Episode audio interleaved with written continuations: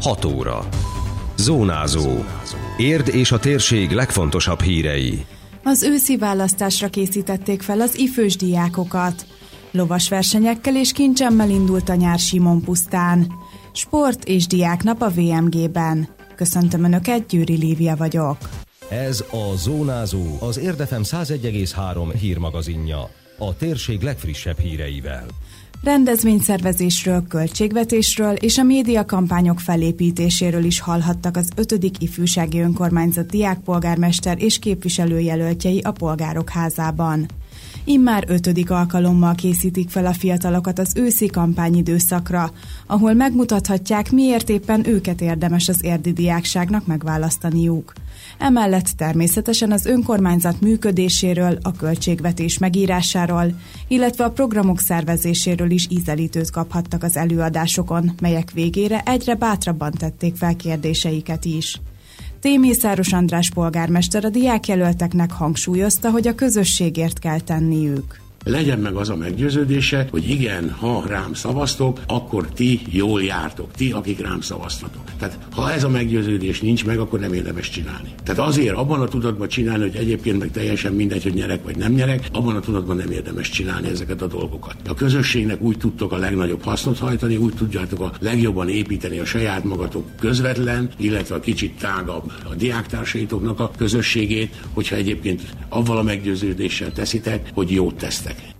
Borsányi Csilla, az ifjúsági önkormányzat referense elmondta, hogy az alapokmány szerint minden diák képviselőnek részt kell vennie egy felkészítő napon. Tartalmilag igazából az alapokmány főpontjait vesszük át. Ugye ők ezt meg is kapják, haza is vihetik, átnézhetik, ebbe az alapokmányban mindent megtalálnak. Mégis azért tartom fontosnak ezt a felkészítő napot, hiszen itt polgármester úrral is találkozhatnak, a polgármester a jegyzőasszonyjal, akikkel ugye együtt fognak ők dolgozni, képet kaphatnak az önkormányzatiságról, az önkormányzat alapelveiről, miért fontos az ifjúsági önkormányzat, mi volt ezzel a városvezetés célja, hogy kell felkészülniük azokra a dolgokra, amik így a munkájuk során majd várni fog rájuk, hiszen azért egy 10 millió forintos költségvetést összerakni kiskorú gyermekeknek azért az nem egyszerű feladat. Máté Szabina, a Kóskároly Szakgimnázium és Szakközépiskola diákpolgármester jelöltje színesíteni szeretné az érdi diák életet. Igazából a költségvetés volt, ami számomra meglepő volt, mert hogy ahogy ugye körbeadták a papírt, amin rajta volt, hogy egy önkormányzat mi mindenre költ, hogy hogy van felépítve, hogy mit kell szervezni, és mire kell áldozni. Nekem ez volt meglepő, hogy mennyi mindenre kell majd gondolnom, nekem is esetleg megnyerem. Vejbert Adél Gárdonyi Géza általános iskola és gimnázium diákképviselő jelöltje, Hüse Nikolett diákpolgármester jelölt el, főként a kulturális életet kívánja fellendíteni. A költségvetés az, ami engem nagyon meglepett, de megtudtunk hasznos dolgokat, és én örülök neki, hogy ezt így elmondták nekünk, és egy kicsit képbe vagyunk a dolgokkal, hogy mint hogy. Járvás Máté Kerecsen, a Vörösmarty Mihály Gimnázium diákpolgármester jelöltje. Korábbi élményei után most belülről is szeretné megnézni, hogyan kell egy ifő rendezvényt megszervezni. A kampányról hallottam érdekes információkat, illetve a polgármester úr az egész ifjúsági önkormányzat pozitív felfogásáról beszélt, ami engem megragadott, illetve a költségvetésnél is hallottam érdekes dolgokat, és nagyon jó volt, hogy egy gyakorlati példát is vettünk, így még közelebb került, és még jobban értettem a költségvetést. Harkai Márton a Mariánum diákpolgármester jelöltje iskolájával először indul a választáson. Új tapasztalatokkal szeretne gazdagodni. A kampányidőszakról eddig nem sok mindent tudtam, ugye tapasztalatok ilyen, de így szerencsére azért sikerült nagyjából megtudni mindent, és ezért sokkal könnyebb lesz. Az ötödik ifjúsági önkormányzati választásra szeptember 27-én kerül sor. Lovakkal indult a vakáció. A második nyárindító gyermekfesztivált immár hagyományteremtő szándékkal szervezték meg Simon pusztán, hiszen a tavalyi évben hatalmas sikerrel zárult az esemény. A lovas programok mellett légvárral és gyermekjátékokkal is várták a családokat a hétvégén. Hangsúlyozta Bányavölgyi Donáta, a Simon Puszta Nemzeti Lovas és Hagyományőrző Egyesület kommunikációs munkatársa. Ugye a célunk az az volt, hogy a nyár elejével, a tanév végével a gyerekeket egy kicsit tudjuk szórakoztatni, illetve hogy közelebb hozhassuk hozzájuk a lovakat, amit szintén nem csak a gyerekeknek szeretnénk, hanem a felnőtteknek egyaránt, mert szeretnénk, hogyha azt az érzést, amit a lovak tudni annak, azt mindenkivel meg tudjuk ismertetni. Így több programot is szerveztünk. Ugye Simon Pusztán belül három helyszínen zajlanak jelenleg a programok.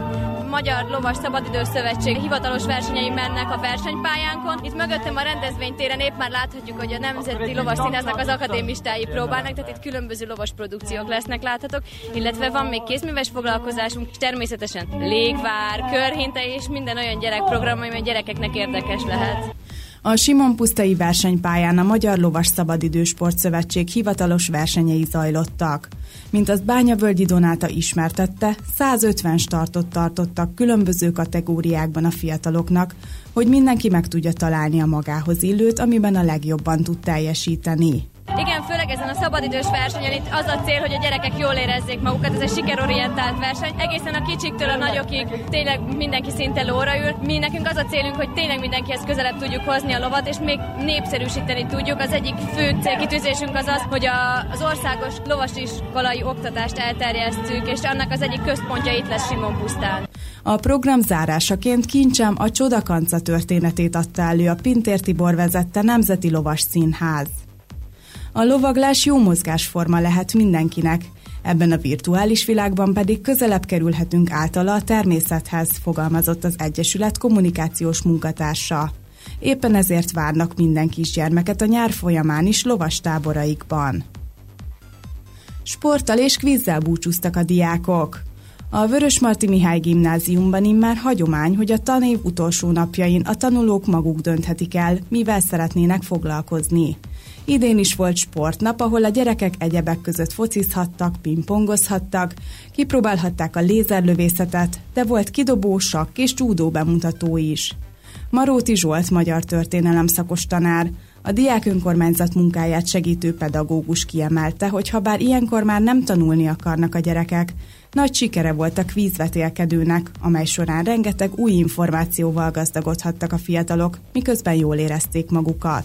Szerintem a legnagyobb ajándék ezen a napon talán az, hogyha egy picit egymással is tudnak beszélgetni, van, akik társasoznak, de aki esetleg nem tudja elfoglalni magát, vagy más jellegű programot szeretne, azt is megkínáljuk néhány dologgal. Volt a mai napon például filmklub, ez még jelenleg is zajlik, karaoke is volt, és kvíz is lezajlott, nagyon sok résztvevővel, kilenc csapat indult, indult, és nagyon örültek a győztesek, de remélem, hogy a vesztesek is, hiszen azért ez egy műveltségi játék volt, sokat lehetett belőle tanulni. Egyébként sportprogramok is vannak, ez nem szorosan ehhez kapcsolódik, hanem a megelőző naphoz, amelyet a testnevelés munkaközösség szervez, ez a sportnapunk, de ma van például a foci döntő, éppen zajlik, úgyhogy az is nagyon-nagyon izgalmas, és van még egy Zengo nevű japán sport, ami nagyon-nagyon népszerű szokott lenni, és biztos, hogy még néhány programot kihagytam a felsorolásból, volt, de tényleg elég színes a kínálat.